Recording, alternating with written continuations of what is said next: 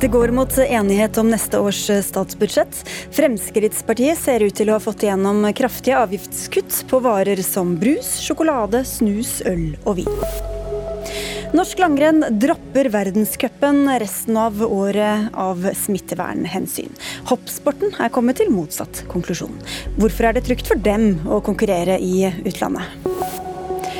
Israels planer om nye boliger på Vestbredden kan skrinlegge siste rest av håp om en tostatsløsning.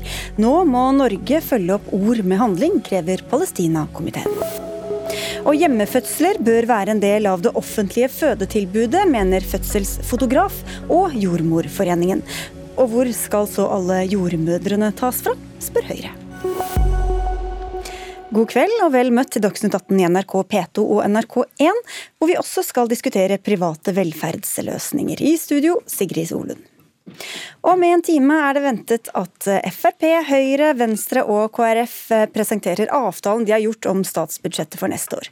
De siste par timene har Fremskrittspartiets landsstyre hatt møte om det som er forhandlet fram. NRK kjenner ikke alle detaljene i avtalen, men Frp skal ha oppnådd store avgiftskutt, eller hva, Magnus Takvam, politisk kommentator i NRK? Ja, det er, det er riktig. Det er ingen tvil om at det store grepet, tror jeg, i denne avtalen er det som heter grensehandelrelaterte avgifter. Der har åpenbart Frp prioritert det høyest, mot for så vidt eh, at eh, KrF da får beholde eh, prosenten i bistandsbudsjettet, og at man ikke gjør noe med antall kvoteflyktninger og det regimet. Så det har jo vært et skisma i forhandlingene mellom Frp og KrF sine hjertesaker, så å si. Så det er en ganske svær pakke på grensehandelreduksjoner, reduksjoner, rett og slett. Regjeringskrise pga. snus, spør du i en kommentar i Aftenposten i dag, hvor du er politisk redaktør, Kjetil eh, B. Alstaheim. Var det så teit å legge inn så mye politisk tyngde på akkurat dette? Nei, da, men det ville jo, vil jo, vært veldig spesielt med en regjeringskrise nå, nesten på hva det skulle være. Nå, nå er midt oppi en pandemi, og disse fire partiene har klart å lage eh, budsjetter sammen siden høsten 2013. Eh, men eh, de driver jo fortsatt og diskuterer. De er ikke ferdig i dette møtet i Fremskrittspartiet, der både landsstyre og stortingsgruppa sitter og diskuterer. Så det gjenstår jo å se. Det, det ser, ut fra det som er, er, lekket ut til nå, så ser det ut som de får et kutt i, i alkoholavgiftene mm. på øl og vin. Det er snakk om 10% i hvert fall ifølge TV 2 skriver. Og det er eh, Sammenlignet med det Fremskrittspartiet ba om, som var svensk nivå, så er det ganske beskjedent. Det er ikke engang finsk nivå. Så spørsmålet er om de syns egentlig dette er noe særlig å skryte av, særlig når de da fortsatt må godta 3000 kvoteflyktninger og ingen kutt i, i bistanden, som også var viktige punkter fra, fra Fremskrittspartiet helt fra landsstyremøtet der i september. Og Det blir jo store summer som da ikke kommer inn i statskassa, men hvor mye utgjør det egentlig for en vanlig flaske øl f.eks., Magnus? Nei, Ifølge Bryggeriforeningen, som jeg snakket med i taxien på vei opp her, så vil en ølboks til 28 kroner koste 26,50 eh, hvis det er 10% reduksjon i avgiften. På vin har jeg ikke, vinflaska har jeg ikke regnet ut ennå. Kommer det an på vanen, antagelig. Ja, men eh, det er klart eh, Som eh, Alstein var inne på, så, så krevde Frp eh, ned til svensk nivå. Det ville betydd på alkoholrelaterte avgifter nesten 6 milliarder i lettelse, bare det. Men som vi skjønner, så for KrF så er nok dette en ganske bitter pille å svelge, men det, det, det har de godtatt når de, når de, får skjerme de andre tingene. Så så de, de, bransjeorganisasjonene jeg har snakket med som, som er opptatt av eh, temaet grensehandel, er fornøyd eh, ut fra de signalene som er kommet. En, det de sier er at En norsk handlekurv i Sverige den består 50% av varer som er utsatt for eh, disse norske særavgiftene. Og så drar da folk med seg ting som, som er like billig i Norge for å si det sånn, som, som ekstra. slik at Hvis man klarer i deres versjon å oppnå en viss reduksjon, så kan det bety noen arbeidsplasser og noe for næringsmiddelindustrien i Norge. Vi, vi får vente og se liksom hvor, hvordan tallene ser ut. Og da har de kanskje fått litt drahjelp fra pandemien og hvordan disse har sett at nordmenn har handlet da, Alstaheim. Men likevel så skriver du at Siv Jensen ikke har klart å lage noe drama om budsjettet. Hva har vært problemet hennes? Nei, det har jo, det har jo, De er jo veldig langt på overtid. Det skulle jo vært ferdig for, ja, for lang tid siden. Eh, men eh, det, er jo, det har vært ganske sånn stille rundt i forhandlingene. Ikke vært uh, veldig trykk i mediene eller, eller uh, en følelse av at nå, nå, skal det skjære seg. og Det er omtrent ingen som på Stortinget som har trodd noe annet enn at dette kommer til å bli en avtale. Og Det, det handler jo om at det er, eh, det er, andre ting som er viktigere akkurat nå. Nemlig hvordan, hvordan går det med smittetallene? Hvordan uh, greier man å håndtere den pandemien? Blir det, får, får vi treffe familien til jul? Det, og Da kommer jo det meste annet i skyggen. Vi får også bekreftet fra enda en kilde at det er snakk om 10% nedgang her. Men hva, hvorfor er det akkurat dette som ble prioritert, tror du, Magnus Takvam? Eh, fra FrPs side har jo i utgangspunktet hatt eh, vedtak på fem områder som de har prioritert, bl.a. dette med grensehandel. Også avgifter på bi biler, som har blitt noe økt med sånn CO2-komponent osv. Og, så og så er det Eh, pensjonistenes inntektsnivå. Det tror jeg også de har fått en del gjennomslag på. Så tror jeg det er ting som berører f.eks. maritim næring, nettolønnsordning for sjøfolk, som det har vært protester mot at ble, ble redusert. Som er relatert til verftsindustri på Vestlandet og, og arbeidsplasser relatert. sånn at Eh, jeg tror det, det, det, som skjer her, er at vi bruker, eller budsjettet vil bety en masse mer oljepengebruk, men siden man legitimerer det med at det har relevans for å skape arbeidsplasser i en pandemi, så, så er det liksom en slags unntakstilstand fra de normale liksom, budsjettvurderingene om, om, kroner og øre. Mm.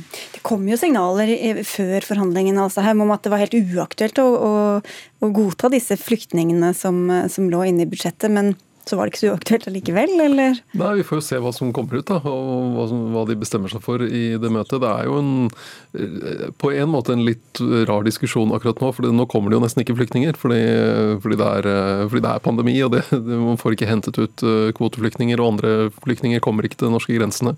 Så det, sånn sett så blir den jo litt underlig, men det, det har vært veldig høyt prioritert både fra, altså fra landsstyret og fra landsmøtet til Fremskrittspartiet også. Så sånn sett er jo, hvis de bare bare har akseptert 3000 kvoteflyktninger og ikke får noe kutt i bistanden, så er jo det Det var to av de punktene som Frp sa de ville prioritere. Hva tror dere, Nå er det jo ganske dårlige målinger for Frp om dagen. Er det dette som skal til for å nå nye høyder? Jeg, jeg, tviler på om dette isolert sett er kommet to veldig dårlige målinger for Frp i dag, og kjempemålinger for Senterpartiet. Så det er en sånn, er en sånn eh, bølge, stemningsbølge, som, som, jeg tror er vanskelig å snu på kort sikt. Men det er klart, Frp vil vel si at de investerer en del politisk kapital i dette budsjettet, og kan seinere i hvert fall vise til det hvis de får det gjennomslaget vi snakker om når det gjelder arbeidsplasser og, og sånne ting. Så det er nok håpet deres at de kan bruke det seinere som, som en uh, argumentasjon. Jeg tror Vi har sett eh, Senterpartileder Trygve Slagsvold Vedum plage Fremskrittspartiet med avgiftsøkninger nå, og hatt det veldig gøy med det. Og kalt eh, Siv Jensen for avgiftsdronning osv. Så, videre. så det, å, det for Fremskrittspartiet å vise noen, noen, ordentlige avgiftskutt, det er ganske viktig for dem eh, i dette budsjettet. Et argument mindre fra den kanten? Ja, i hvert fall noe redusert. så får vi se, da. Fasiten om omtrent en time så kommer den. Da sier vi takk til dere i denne runden her, Magnus Takvam og Kjetil Alstheim.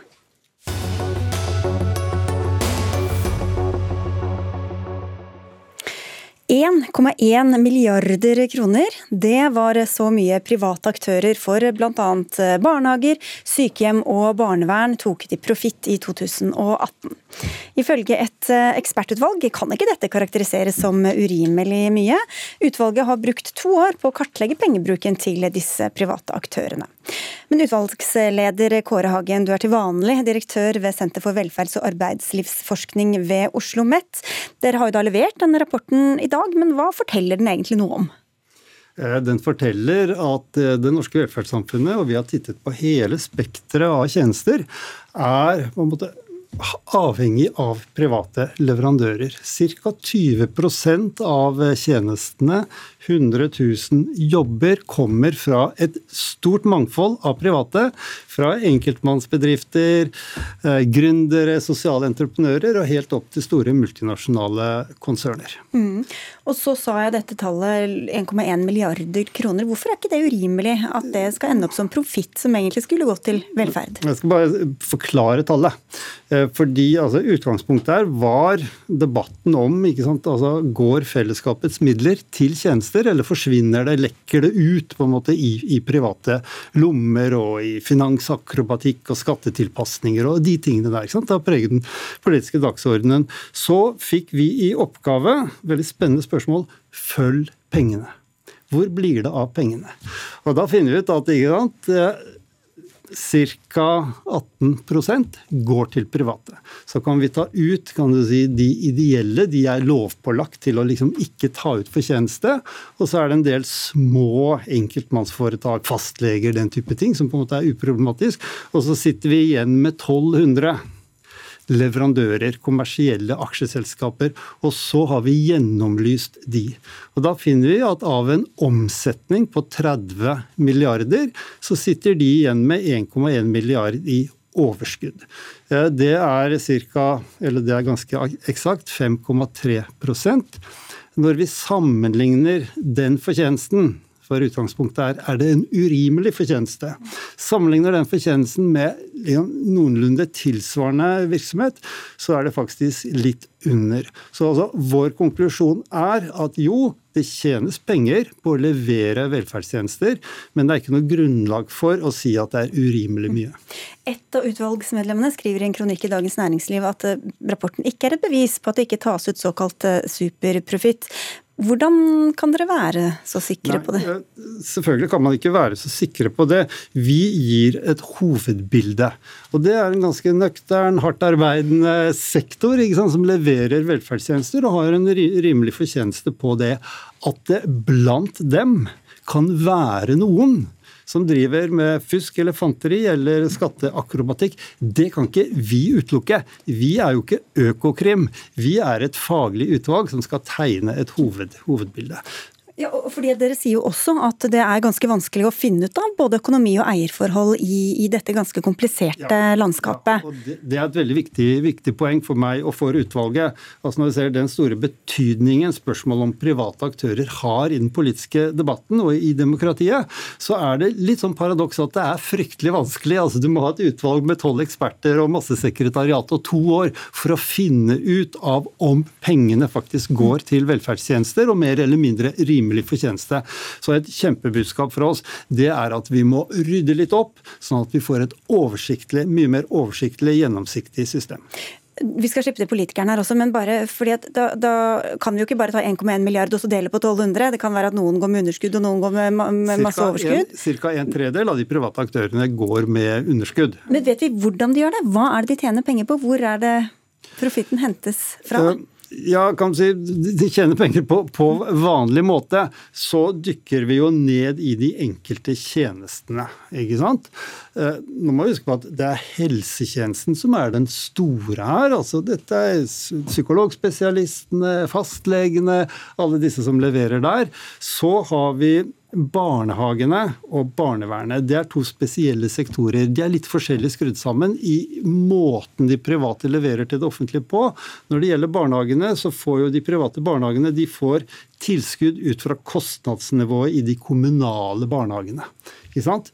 Og så sier vi at det systemet der, det leverer nok for noen private barnehager litt vel gunstige rammebetingelser. Så der foreslår vi faktisk å gi kommunene mye større makt over eh, barnehagene i sin egen kommune. Det er logisk også ut fra at barnehagene er en del av utdanningssystemet. Hvis jeg får lov, så når det gjelder, eh, når det gjelder eh, Barnevernet så er jo det en mye vanskeligere sak. og Det som på en måte er den sterke private tilstedeværelsen, det er jo disse tiltakene for eh, ofte ungdommer som trenger veldig mye støtte. Det er en type tjeneste som er veldig sånn vanskelig å levere på raskt for en liten kommune som har en lovforplikta ansvar for å levere gode tjenester. Så blir vedkommende kanskje 18 år, eller det går bra, så skal tjenesten skaleres ned. Det er en veldig kompleks tjeneste. Og det har utvalget diskutert, og den er litt sånn i grenselandet for hvordan vi kan liksom, som velferdsstat bruke private.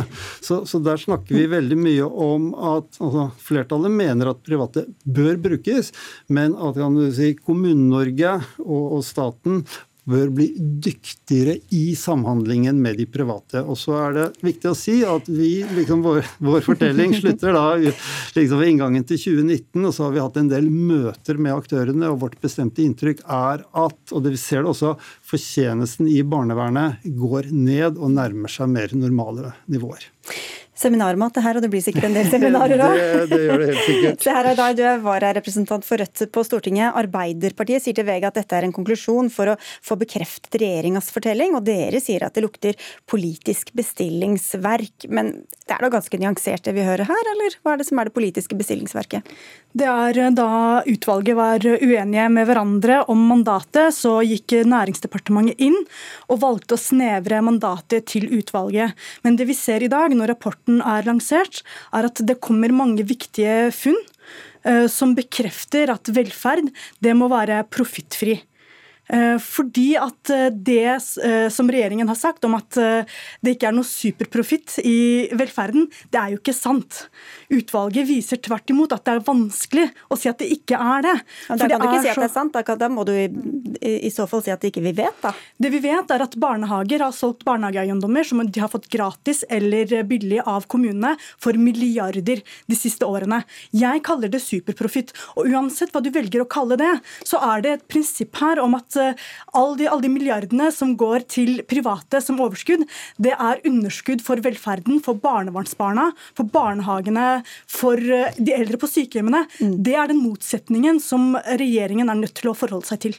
Vi har invitert næringsminister Iselin Nybø, som mottok rapporten i dag. Hun kunne ikke stille, men du er her, Mathilde Tybring-Gjedde, stortingsrepresentant for Høyre. Ja, bare for å ta tak i det. I utgangspunktet, at penger som skal gå til velferd, ender, ender opp som mm. profitt, enten det er superprofitt eller en lavere mm. profitt. Hvorfor er det greit? Fordi at jeg mener at Hvis vi skal ha gode tjenester i det norske velferdssamfunnet, så må vi bygge på den modellen vi har, som nettopp er at private og offentlige aktører de samarbeider, de samspiller, de lærer av hverandre, forbedrer seg, og at også brukerne, enten det er barnehagebarn eller eldre, får mer mangfold og større valgfrihet. Og det samspillet det sikrer nettopp noe som utvalget heller ikke er inne på, nemlig er verdien av kvalitet.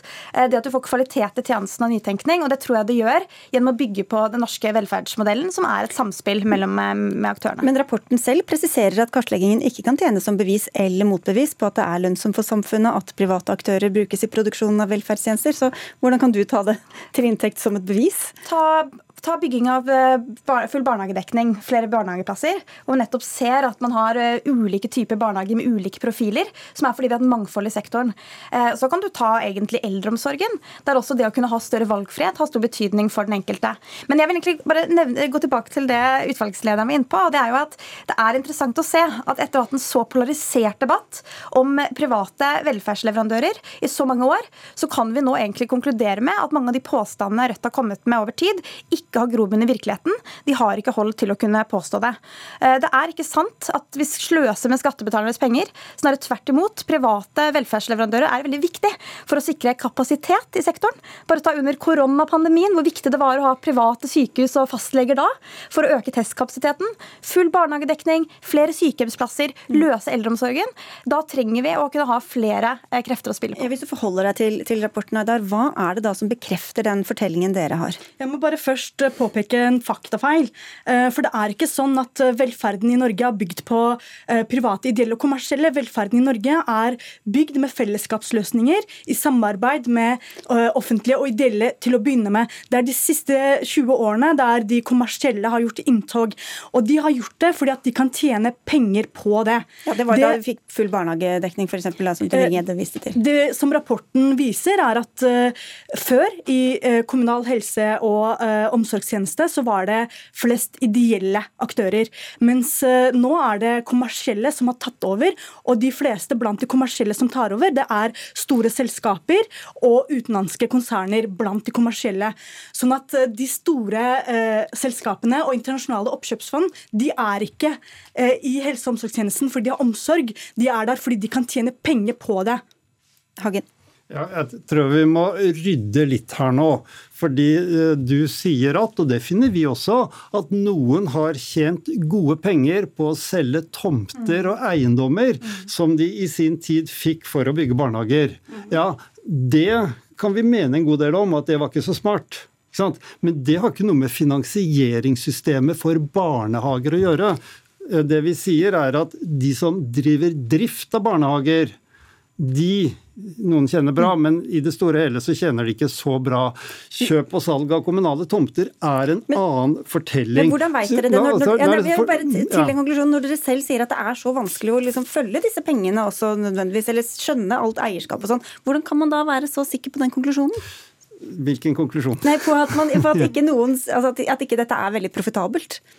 Altså, Å få en tomt gratis og få lykke til seddelen til høystbydende, at det er profitabelt, er kjempegreit, men det er ikke en stort utfordring for velferdsstaten. Det er en annen type utfordring. Ja, jeg tenkte på det dere selv sa, kommuner- ja, men at- at det var så vanskelig jo, men å liksom ta, ta finne strukturene her. Fordi du sier at før var det bygd på fellesskapsløsning, og nå har det veltet inn med utenlandsk storkapital. Det er feil måte å si det på. Det vi studerer, er jo hvordan offentlige myndigheter, stat og kommune inngår kontrakter med private om å levere tjenester. Men Jeg har jo rett i det jeg Nei, men sier. Hør nå, hør nå. Hør nå. sier De store, de store, Det er helt riktig som du sier at de har vokst fram, men noen har solgt barnehagen til dem.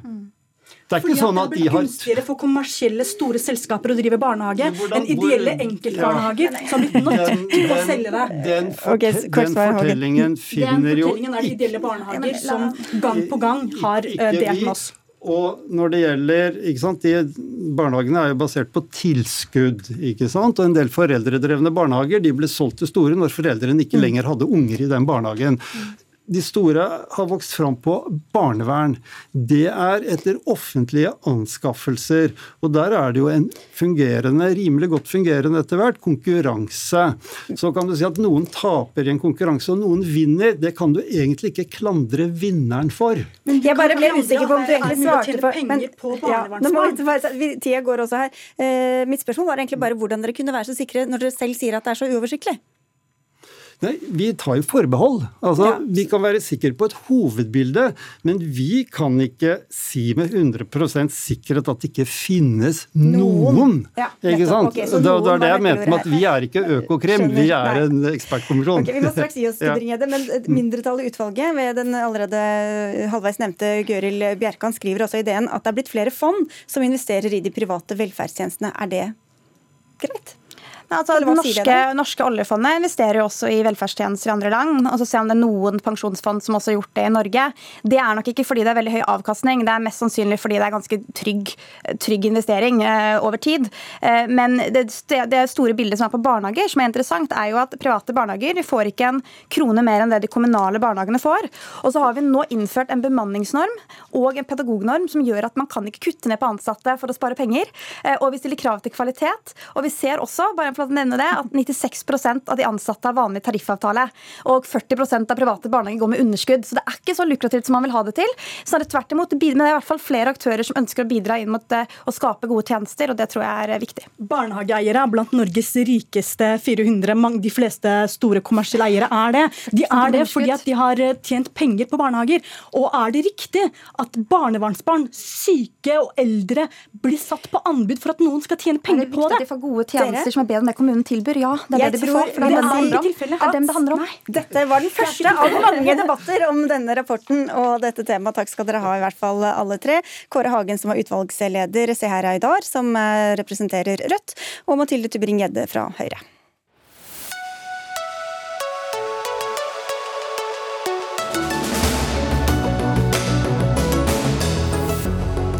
Er det i det hele tatt sannsynlig med en egen palestinsk stat med dagens bosettingspolitikk fra israelsk hold, og hva gjør Norge overfor Israel? Det skal vi diskutere mot slutten av Dagsnytt 18. Men først til en beskjed som kom denne uka fra Johannes Høsflot Klæbo og Emil Iversen. De står over verdenscuprennene i desember pga. smittefare. Og nå får de følge av resten av langrennseliten. Langrennskomiteen besluttet sammen med langrennsledelsen i dag at eh, Norge ikke deltar i verdenscuprennet i Davos og Dresden i desember. Det planlegges heller ikke for norsk deltakelse i Tour de Ski i januar 2021, slik situasjonen er nå. Sjur Røthe, du ble verdensmester på 30 km skiatlon under ski-VM i fjor, og du er tillitsvalgt for Norges landslagsløpere i langrenn. Hvordan reagerer løperne på at de ikke får delta i verdenscuprenn før nyttår? Jo, eh, vi har for så vidt eh, vært veldig enige med Skiforbundet ganske kjapt om at eh, det er den eneste rette måten å gjøre det på. Så vi stiller oss bak Skiforbundet som, som lag. Så det, det, er en, det er en helt riktig avgjørelse. Hvilke konsekvenser tror du at dette får for sesongen for dere? Jo, det er klart. Vi får ikke utøve jobben vår som er å, å gå på ski, og aller helst fort på ski. Men akkurat nå så, så er det det er helt riktig å gjøre. og jeg tror at uh, Et par mindre skirenn nå kan i utgangspunktet gjøre til at vi får uh, gå fortere på ski senere i sesongen. Men, uh, men det er litt sånn akkurat nå så, så, må vi bare ta det sånn som det er. og så Den situasjonen som, som vi og verden er inne i, den må vi òg ja, bare føye oss etter. Så, så sånn er det. Takk skal du ha, Sjur Røthe. Da skal vi til deg, Espen Bjervik. Du er langrennssjef i Norges Skiforbund, og dere tok altså denne beslutningen i formiddag. Hva var det som gjorde at dere landa på det? I utgangspunktet så er vi i de fleste beslutninger vi gjør, eller alle beslutninger vi gjør, så er jo helse foran eh, både prestasjon og resultat. og vi har vi har eh, tre mål for sesongen. Det ene er å få utøverne hele gjennom sesongen uten å bli smittet av covid-19, som vi ikke vet konsekvensen av. Det kan både kortsiktige store konsekvenser og langsiktige konsekvenser. Eh, videre har vi en eh, VM-sesong som er da VM altså nummer to av prioritetene våre, og så er World Cup nummer tre. Og ut ifra de erfaringene vi fikk gjennom den første World Cup-runden nå, så ser vi at det er vanskelig å kombinere alle de tre målene. Og, og vi velger å ta ned risikoen for å oppnå målene våre. Og, og velger da å, å trekke oss fra worldcupen i første worldcupen for å ta ned risikoen. Men hadde dere kommet til den konklusjonen hvis ikke enkeltutøvere hadde selv sagt at de ikke ville? Ja, dette her er noe som har vært diskutert. Vi startet allerede på Beitostølen og diskutere altså, alternativer for uh, altså, konsekvenser vi kunne oppleve og hva som kunne vi vi kunne oppleve gjennom verdenscupen av eh, både smitte, karantener osv. Eh, vi hadde en eh, god runde i Roka med, med, trenerne, og vi varslet for så vidt utøverne litt forsiktig på, på søndag at dette kunne bli en, en konsekvens av, av, det vi har opplevd nå i Roka. Og klart Et forbund vil bruke litt lengre tid på å både formidle og, og komme til en konklusjon enn enkeltutøvere, men det er fullt i forenlighet med de, eh, de utøverne som gikk ut før, uh, før vi, vi, tok beslutningen vår. Men alle har ikke kommet til denne beslutningen. Klas Brede Bråten, du er sportssjef for hopplandslaget i Norges Skiforbund. Dere fortsetter. Hvorfor det? Nei, vi, vi, har også vurdert situasjonen grundig ut ifra de opplevelser og erfaringer vi har gjort. Og, og de er helt annerledes enn det det langrenn har opplevd. og eh, vi har snakka med våre utøvere eh, gjennom hele helga i Finland, og deres erfaringer fra de helgene vi har hatt eh, tidligere. Vi opplever at Det internasjonale skiforbundet på hoppsida og vår idrett og idrettens egenart er av en sånn karakter at eh, det totalt sett eh, er forsvarlig å eh, drive på. Vi, vi opplever at smittevern er det aller, aller viktigste vi driver med når vi er der ute. Og, og vi, vi føler trygghet rundt måten World Cup i hopp gjennomføres på. Hva syns du eh, om at de har eh, landet, det var en ufrivillig spøk her, eh, så annerledes eh, enn dere, Bjervig? Nei, jeg tror Klas Brede er inne på det. Det er, det er, forskjellige idretter vi driver med, og vi har forskjellige egenarter i idretten. Langrenn er jo altså Lungene er kanskje det viktigste verktøyet en langrennsløper har. Uh, og, det, og, vi vet at denne sykdommen angriper lungene veldig hardt. I tillegg så er uh, vi er en stor tropp. Vi er over 40 stykker som reiser rundt. Vi har en verdenscup som gjør at vi er på nye destinasjoner mer eller mindre hver helg. Og, og det er det litt av grunnen til at vi da ser at dette her kan være krevende for oss. Og så har vi også hatt noen episoder som uh, gjør at vi ikke er så trygge lenger på, på gjennomføring av verdenscupen som vi hadde håpet vi skulle være. Jan Petter Saltvedt, sportskommentator i NRK. Du kaller det en klok avgjørelse fra langrennslandslaget. Hvordan begrunner du det?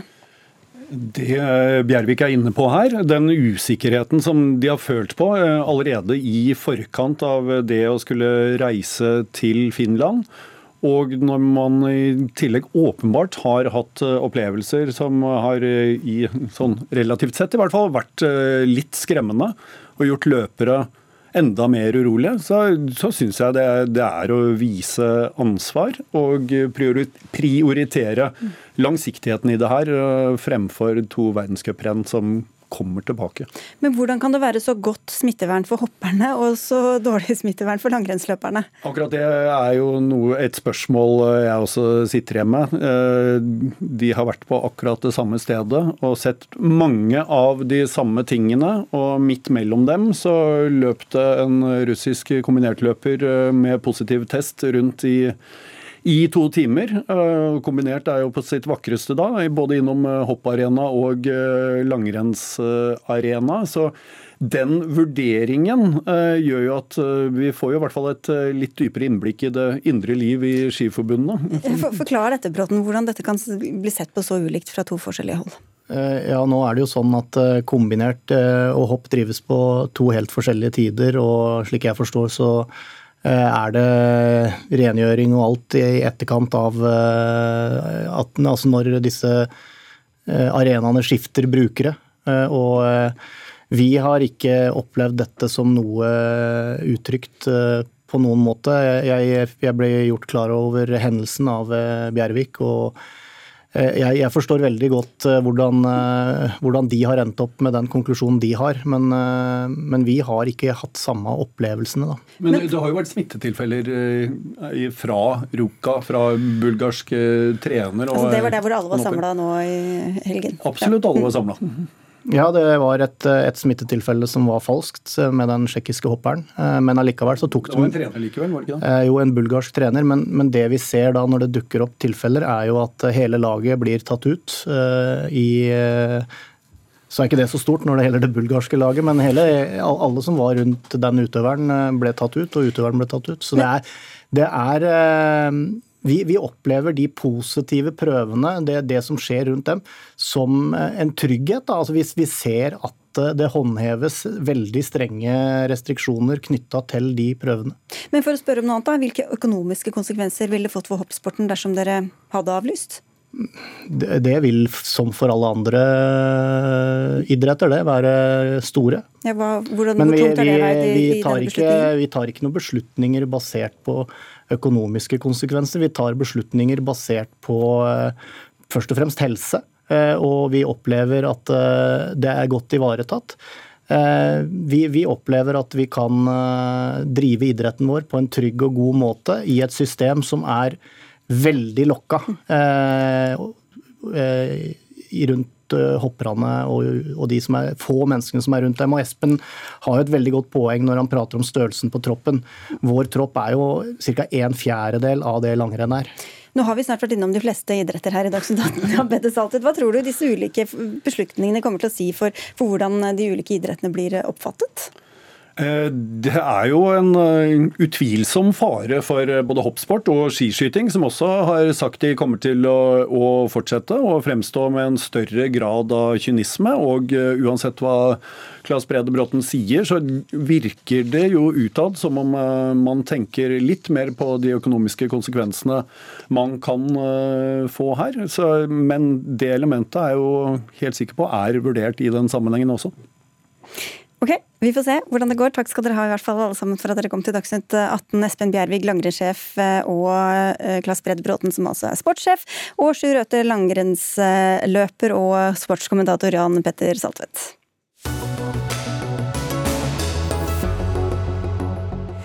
Nå er mange blitt vant til å jobbe hjemme, det skal også bli lettere å få dø hjemme. Men hva med å føde hjemme? Se, det er en annen skål. Hjemmefødsler er nemlig ikke en del av det offentlige fødetilbudet i Norge. Det bør det bli, mener du fødselsfotograf Eva Rose, men hvorfor det egentlig? Du, jeg syns rett og slett at alle kvinner burde få et valg. Eh, Verdens helseorganisasjon har sagt det lenge, og her i Norge så er dessverre hjemmefødsel veldig få eh, får det som et valg. Og eh, flere og flere kvinner ønsker hjemmefødsel. Jeg får hundrevis av meldinger fra damer som ønsker mer informasjon, og som rett og slett ønsker å få vite hvem det er som kan hjelpe dem. Men det er veldig få jordmødre å velge blant som kan hjelpe til med hjemmefødsler. Helsepolitisk talsperson fra Høyre, Sveinung Stensland. Hvorfor er ikke hjemmefødsler en del av det offentlige helsetilbudet? Eh, strengt tatt så er det sånn at det er noe som eh, en skal kunne legge til rette for. Men eh, etterspørselen etter hjemfødsler har faktisk gått ned de siste årene. Men vi har satt i gang en ny, ikke en utredning, men for å sette i gang en ny veileder for hjemmefødsler i Norge. Nettopp for å se på om, om det regelverket som er, eller veilederen fra 2012 er god nok. Så dette er et tema som også jobbes med nå, politisk og i direktoratet. Det er kanskje ikke så rart om, om etterspørselen går ned, hvis man ikke tror at det finnes et tilbud? Ja, Nå har jo oppmerksomheten rundt fødselsomsorgen vært veldig knytta til å styrke fødetilbudet på sykehusene, i tillegg til å bygge opp eh, følgetjeneste med jordmor. Det har vært store debatter rundt det de siste årene i Norge. og Mye av oppmerksomheten har vært rundt spesielt å øke jordmorbemanningen i kommunene. Så det har jo vært en viktig del av den debatten, men nå ser vi jo at flere og flere er interessert i dette. Diskusjonen handler jo mest av alt om betaling eller ikke for tjenesten. Ja, Eva Rose, Du skriver jo i Dagsavisen at fødsler blir styrt av frykt og effektivisering og, og penger. Hvordan belegger du det? Det er nå bare sånn det er. Eh, fødsler skal gjerne gå fort, eh, og det er ikke sånn til kroppen vår er lagd. Av og til så tar dette her lang tid. Og eh, av og til så har sykehuset det med å stresse opp fødslene litt, og det er sånn som ikke skjer hjemme. Og det er veldig mange damer som ikke ønsker å komme seg inn på sykehuset, rett og slett fordi de er litt redd for at de skal få at det skjer ting med kroppen deres som de ikke har kontroll på, som andre da bestemmer for dem. Og de føler at de har kontroll, de er ikke syke, og de ønsker da å føde hjemme. Og eh, penger, der er ikke nok penger i fødselsomsorgen, det er det ingen tvil om. Det burde være mye flere jordmødre, for det første, og det at hjemmefødsel ikke er et offentlig tilbud, det synes jeg er veldig rart. Fordi til og med England, Danmark, eh, Sverige, Nederland, de har dette her som et offentlig tilbud. Og Norge, som skal liksom være et av de beste landene å føde i, så er det nesten umulig å få et tilbud som hjemmefødsel. Jeg syns det er veldig rart. Du skal få svare, Stensland, men når du begynte å snakke om jordmødrene, så kan vi jo sette over til deg også, Kari Aare. Du er leder av Den norske jordmorforening, og dere vil også at hjemmefødsler skal bli en del av det offentlige helsetilbudet. Hva er deres begrunnelse? Ja, altså Vi tenker at det ville være fornuftig å ha et uh, offentlig tilbud om hjemmefødsler. Uh, både for at tilgjengeligheten skal bedres, men òg at um, kontakten på jordmoren som har hjemmefødsel, skal bedres inn mot sykehuset. Eh, I 2017 så eh, kom, var vi i kontakt med Helse- og omsorgsdepartementet om dette. Og de sendte faktisk da ut et brev til alle helseforetakene der de foreslo en pilot ut fra et av helseforetakene med hjemmefødsler eh, finansiert av det offentlige. Hva, ja, ja, fortsett.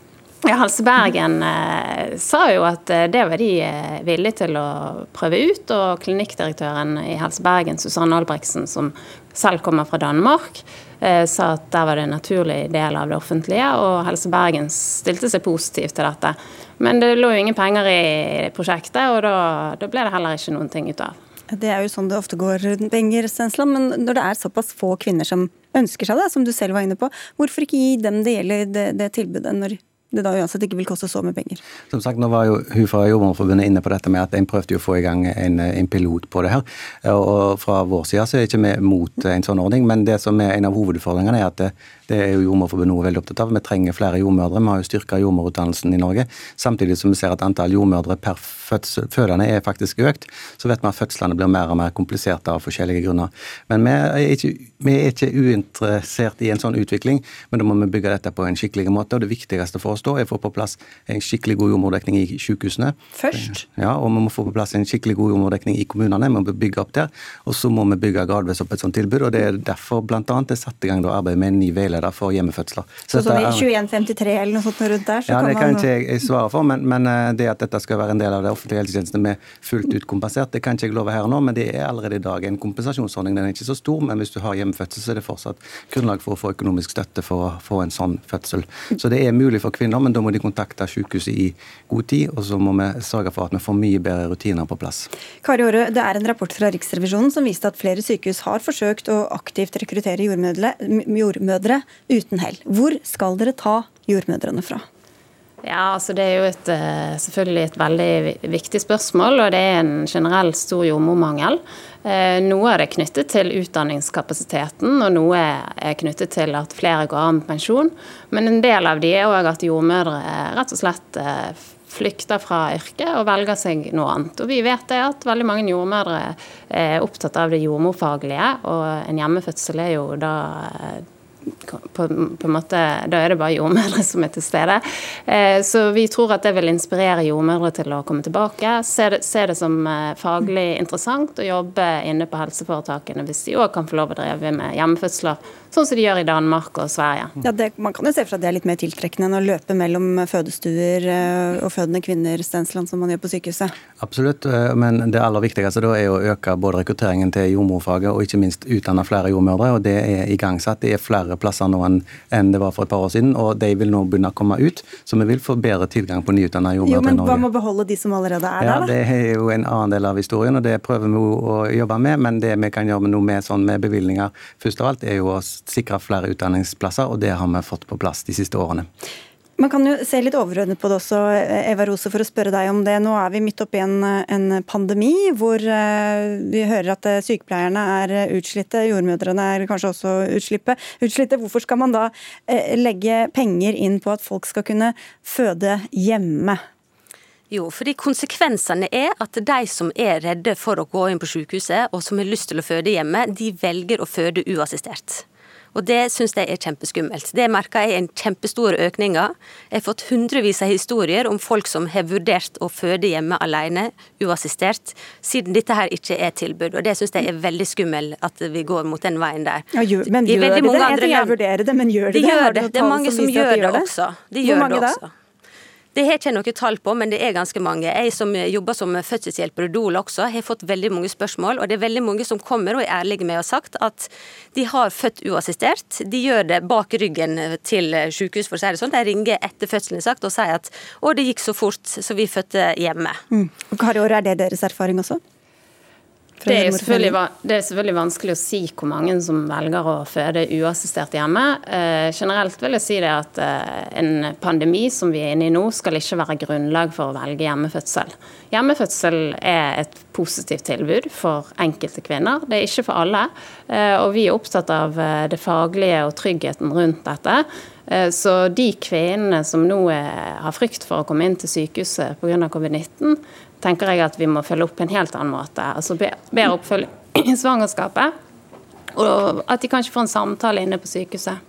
Men hvordan skal man kunne praktisk bemanne opp til at jordmødre skal stå fritt til å dra hjem til noen på helt ubestemt tid, når en fødsel tross alt kan vare i flere døgn?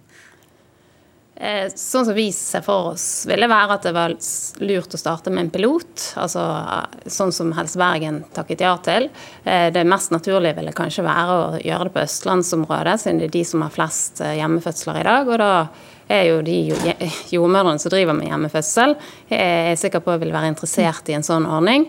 Um, og så er det jo, altså Starter man i en liten skala, så får man jo sett på hvordan dette tilbudet vil fungere. Om det blir mer Eh, kvinner som ønsker hjemmefødsel. Og så kan man liksom sakte bygge det opp sånn at vi kommer på nivå som Danmark og Sverige har. Og så vil jeg bare si det at Både i Danmark og Sverige er det også jordmormangel, men de klarer å få det til. Eh, og det inspirerer jordmødrene til å jobbe der. Og så vil jeg understreke at hjemmefødsel er ikke for alle, og at jeg eh, reagerer på at Eva Rose sier at fødsler i hovedsak handler om frykt, penger og finansiering. Det tar jeg nesten som en uh, fornærmelse for oss som jobber innenfor fødselsomsorgen. For det er langt fra alle kvinner som opplever frykt når de kommer inn til oss og føder. Veldig mange er veldig godt fornøyd. Ja, da Jeg sier ikke at folk ikke er fornøyde, men det er veldig mye frykt. Og jeg, det, jeg prøver å se på helheten, at de som faktisk ønsker dette her som en mulighet, de kan komme og bli så mye mer styrka etter en opplevelse, en, en positiv fødselsopplevelse, fordi de føler at de har fått et valg. Mm.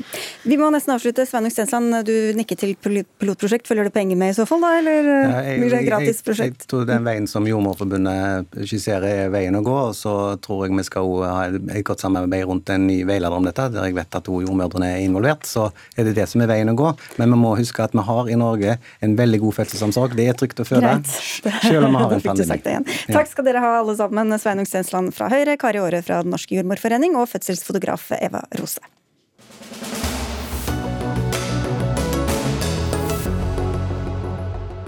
Israels planer om eh, flere enn 1200 nye boliger på Vestbredden gjør troen på en egen palestinsk stat enda mer urealistisk, eh, ifølge en artikkel i Aftenposten. Den nye bosetningen ble lansert allerede i 2012, men prosjektet har vært satt på vent, bl.a. pga. internasjonal motstand. Og Marte Heian Engdahl, seniorrådgiver i Senter for internasjonal konfliktløsning, si litt mer om dette området hvor det er planlagt at disse boligene kommer. Området er jo en del av eh, Vestbredden, altså det området, landområdet som ligger mellom Jordanelva eh, i øst og eh, Middelhavet i vest, og som er, har vært eh, under israelsk okkupasjon siden krigen i 1967. Eh, der bor det en, mange hundre tusen palestinere, også i 1967. Så er spørsmålet hvorfor har man beholdt det, hvorfor beholdt man det, hvorfor ønsker man det? Det går ikke godt sammen med den jødiske staten ellers, men da er det et område som er eh, strategisk viktig for, eh, for, staten Israel, som gir såkalt strategisk dybde, gjør det lettere å forsvare. Det er et kupert område med høydedrag eh, er, og med jordbruksområder som er fruktbare. Eh, og i denne biten eh, av Vestbredden så ligger det altså den eh, planlagte bosettinga som du refererer til nå, som, som en liten bit av den. Mm. Hvorfor, sammen med alle de andre bosettingene som også har vært gjennom årene, hvorfor, hvorfor gjør disse bygningene, bygningene, her det mer usannsynlig at man skal få en egen palestinsk stat side om side med en israelsk? Det er eh, mange grunner til det, men her er det et, eksempel her i at det gjør eh, den geografiske plasseringa på akkurat den bosetningen her er et godt eksempel, fordi det deler palestinsk landområde i to, det som egentlig skal henge sammen hvis man skal ha et håp om at det er en sammenhengende stat med landterritoriet, sånn som vi er vant til å tenke på statlig territorium. Eh, og så, det, så er det i tillegg viktig tror jeg, å huske på at én ting er den, det området som er bosatt. Og så er det veldig mange av dem, de fleste lytterne dine eh, og seerne dine har sikkert sett et sånt kart som har massevis av små prikker på seg. Eh, og imellom de prikkene så er det, vises ikke så tydelig, men der er det infrastruktur, og veier, eh, som gjør livet muligheten til å fri ferdsel, det å bygge en palestinsk økonomi, det å komme seg dit man vil når man vil, helt umulig. Og så kan man si at kanskje ikke akkurat den her er så viktig, men det er summen av det som har skjedd siden 1967, der man har etablert flere og flere og flere, og nå har over 500 000 jødisk-israelske bosettere på dette området, som gjør at man omtaler det som et hinder for fred. Men denne siste har jo også fått en del eh, oppmerksomhet. Hvorfor ser disse planene, som da har ligget på bordet lenge, ut til å bli realisert nå, tror du? Jeg har tenkt på det, jeg tror ikke det er noe sånn eh det er ikke lett å vite hva som har foregått eh, oppi eh, toppen av israelske israelsk politiske systemet og det juridiske systemet. Men i alle fall, altså det kan tenkes det er litt sånn et slags absurd og litt tragisk teater på et vis. Man spiller ut et sånn eh, kort på tampen eh, av en presidentperiode der Israel har hatt betydelig større handlingsrom for sånn her type utvikling. Eh, det er også en Altså i USA? Ja, nettopp. Sorry. I, USA. ja. Eh, og så I tillegg så går det ikke så godt i israelsk politikk, det går ikke så godt i israelsk økonomi. Det er et land på, i stor og dyp krise. Um, og da er det altså kanskje duka for nye valg. Og i tillegg så er det det her elementet med Netanyahu, som er en formidabel eh, politiker, må man kunne si, eh, og forhandler. Og jeg tenker at på et vis så er det noe sånn ganske genialt forhandlingsteknisk også med det her, eh, å si nå har jeg tenkt å bygge masse greier, bare vent og se. Og så kanskje kommer det en ny administrasjon som sier hei, hei, hold an litt, ikke gjør det. Og hva får jeg for å holde tilbake? Jo, her skal du få noe. Så du, Faktisk, du gir bort ja. noe som du ikke egentlig hadde tenkt å ta likevel. Line Khatib, du leder Palestinakomiteen i Norge. Hva tror du kan bli konsekvensen av denne nye planlagte bosettingen? Jo, Denne nye planlagte bosettingen kommer jo på toppen av allerede 17 000 godkjente eller påbegynte enheter i israelske kolonier på palestinsk land i år. Eh, og På samme måte som Vestbredden allerede er stykket opp av bosettinger, veier kun for israelske eh, statsborgere, checkpoints, mur, så vil denne bosettingen ytterligere sementere, altså skille fra hverandre palestinske landområder, som det ble sagt her i sted, og også gjøre at en sammenhengende palestinsk stat ser nå helt umulig ut. Det er et, bant, et lappeteppe av eh, bosettinger imellom palestinske land. Jeg vil bare si til slutt, altså 10 av Israels befolkning kontrollerer nå 42% av Vestbredden. Hvor skal den palestinske staten være? Audun Halvorsen, statssekretær i Utenriksdepartementet. Hvordan ser norske myndigheter på denne utviklingen? Nei, Vi er tydelig kritisk til uh, israelske bosetninger på okkupert territorium. Uh, og Det har vært en uh, langvarig norsk politikk. vi anser at planen om ytterligere utvidede bosetninger vil være folkerettsstridig, og det vil også være et klart og tydelig hinder for nettopp en fremforhandlet tostatsløsning, som fortsatt er den eneste løsningen vi ser på som bærekraftig på lang sikt, og som er støttet opp under av det vi kaller de internasjonale parameterne for denne situasjonen. Altså tidligere resolusjoner i FNs sikkerhetsråd og avtaler mellom partene. Øh, og vi, vi, mener at det fortsatt er den eneste farbare veien for partene på sikt. Katim? Ja, for Det er bra at Audun tar opp øh, FNs sikkerhetsråd og folkeretten, og det er kjempeflott. altså Ine Eriksen Søreide fordømmer bosetningene, men så gjør man pent lite for å følge det opp. Altså I Erna Solbergs regjering så har man nå et mål om, og man har økt handel og samarbeid med Israel på ene siden.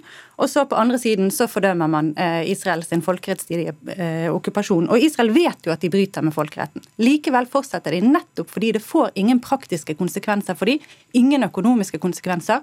Og FNs eh, spesialrapportør for Palestina kom med sin siste rapport i oktober. Han anbefaler at vi må ansvarliggjøre Israel med også å legge press på å skille mellom økonomien på okkupert område. Og der har Norge en lang vei å gå. Halvorsen? Ja, nei, Disse tingene er jo ikke gjensidig utelukkende. Eh, fordi vi er jo som sagt tydelige i vår kritikk av israelsk bosettingspolitikk. Det gir vi uttrykk for i møter og samtaler med uh, israelerne på alle nivåer i de politiske samtalene vi har med dem. Det gir vi uttrykk for i offentlige uttalelser. Vi har hatt fire offentlige uttalelser så langt i år. Hvordan har det virket, syns du? Og, det gir vi uttrykk for i, uh, i multilaterale formater som FN. Klart, Men hvilken effekt har det hatt? Nei, altså altså, Effekten på bakken er jo dessverre begrenset. Men det skyldes jo flere ting. Det er selvfølgelig en hardnakket israelsk politikk. Det skyldes en eh, hva skal jeg si, fastlåste posisjoner på palestinsk side. Det skyldes regional dynamikk. Og det skyldes at USA, som jo tidligere har vært en eh, engasjert pådriver eh, for å prøve å bidra til å løse denne konflikten, har hatt en litt annen tilnærming nå de siste fire årene. Men hva tror du har mest å si for israelske myndigheter at dere sier at dette er brudd på folkeretten, eller at man f.eks. slutter å kjøpe varer fra okkupert vi, eh, sammen med eh, det store flertallet av likesinnede land, mener jo at en linje med boikott og sanksjoner ikke er veien å gå. Eh, vi prøver å engasjere partene til dialog. Vi har en rolle hvor vi jo bl.a. er formann i det som kalles giverlandsgruppen for Palestina, som nettopp er satt opp for å kunne drive kapasitetsbygging, institusjonsbygging på palestinsk side.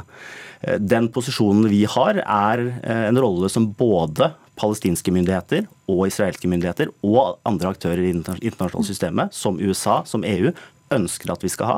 Og er, Vi kan ha den rollen nettopp fordi vi har denne balanserte tilnærmingen til begge partene. Det er ikke første gang at vi hører at Norges rolle som leder av giverlandsgruppen er årsaken til at man ikke kan eh, sette hardere krav bak eh, kritikken om folkerettsbrudd. Og jeg syns dette er litt synd, fordi at nå, det er 30 år siden eh, Oslo-avtalen snart.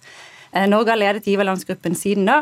og Konsekvensene av Oslo-avtalen er jo at palestinerne ikke har fått en egen stat, at det er mindre og mindre land igjen til palestinerne å bygge en palestinsk stat på, og ikke minst at Israel har bygget ut koloniene. Altså Etter Oslo-avtalen var det rundt 200 000 israelske bosettere i kolonier på i Vestbredden og i Øst-Jerusalem. I dag er det nesten 700 000. Og det som jeg lurer på da, Halvorsen, er for det første sier du at man ikke skal gå inn for sanksjoner. Norge er med på sanksjonsregimer mot 27 land av, som bryter folkeretten fordi de bryter internasjonal lov. Hvorfor kan man ikke gjøre det samme med Israel? Og så vil jeg også si dere belønner Israel ved å øke handel og samarbeid. Man belønner okkupasjonen. Det er det de ser i praksis. De ser at det er tomme ord, fordømmelser som kommer nesten som man forventer det, og det er bra, det er riktig, men uten at de blir fulgt opp med handling, så får det ingen konsekvens. Men Khatib har et forklaringsproblem i nettopp det at palestinske myndigheter ønsker at vi skal ha den rollen vi har. Eh, så vi legger det til grunn, at det er faktisk det partene, begge parter ønsker. Og i dagens situasjon så er altså giverlandsgruppen, eh, AHLC, den eneste formatet hvor det fortsatt er eh, velfungerende politisk dialog mellom partene. Så er Det sånn at det er riktig at Norge er tilsluttet andre sanksjonsregimer. Eh, men det er altså ikke noe FN-godkjent sanksjonsregime for denne situasjonen. Det er, ingen, det er, ikke noen bred internasjonalt enighet. Eh, og Norge har en politikk, eh, tradisjonell, langvarig politikk, på at vi har ikke ensidige sanksjoner. Vi har heller ingen lovhjemmel til det. Vi slutter oss selvfølgelig til FNs sanksjoner. Det er vi forpliktet til, der de er gjeldende. Det er ikke noe sånt sanksjonsregime i denne situasjonen. Og så slutter vi oss til, så slutter vi oss til EUs sanksjoner. Ja, vi mener det er i vår interesse.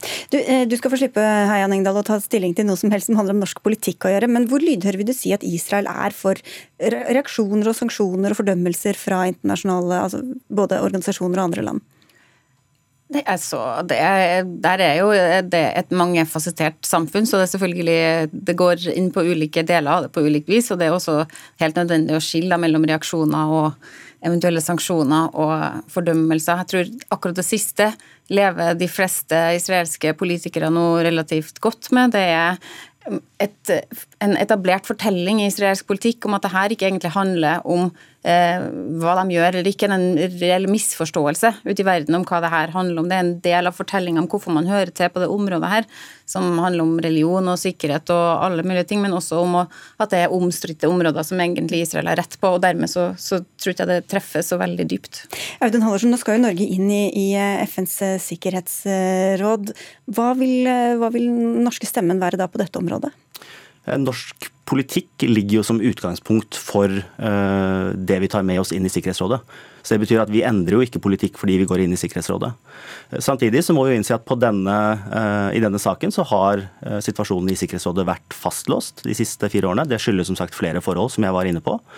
Men det er klart, vi har et ønske om å kunne, at partene skal kunne finne tilbake til forhandlingsbordet. Eh, og det er jo noen tegn i regionen, eh, og nå f.eks. med skiftet av amerikansk administrasjon, som gjør at det kanskje er lov å håpe på en ny dynamikk eh, rundt noe av dette, uten at vi skal ha for høye forhåpninger til hva som er mulig. kanskje mulig å håpe uten for høye forhåpninger. Det får bli så langt vi kommer i, Midtøsten i dag. Takk skal dere ha i hvert fall alle tre. Audun Halvorsen fra Utenriksdepartementet, Marte Heian Engdahl fra Senter for internasjonal konfliktløsning og Line Katib fra Palestinakomiteen i Norge. Og det var det vi rakk i Dagsnytt 18 for i dag. Anne Katrine Førli, Hilde Tosterud og jeg, Sigrid Solund, takker for følget.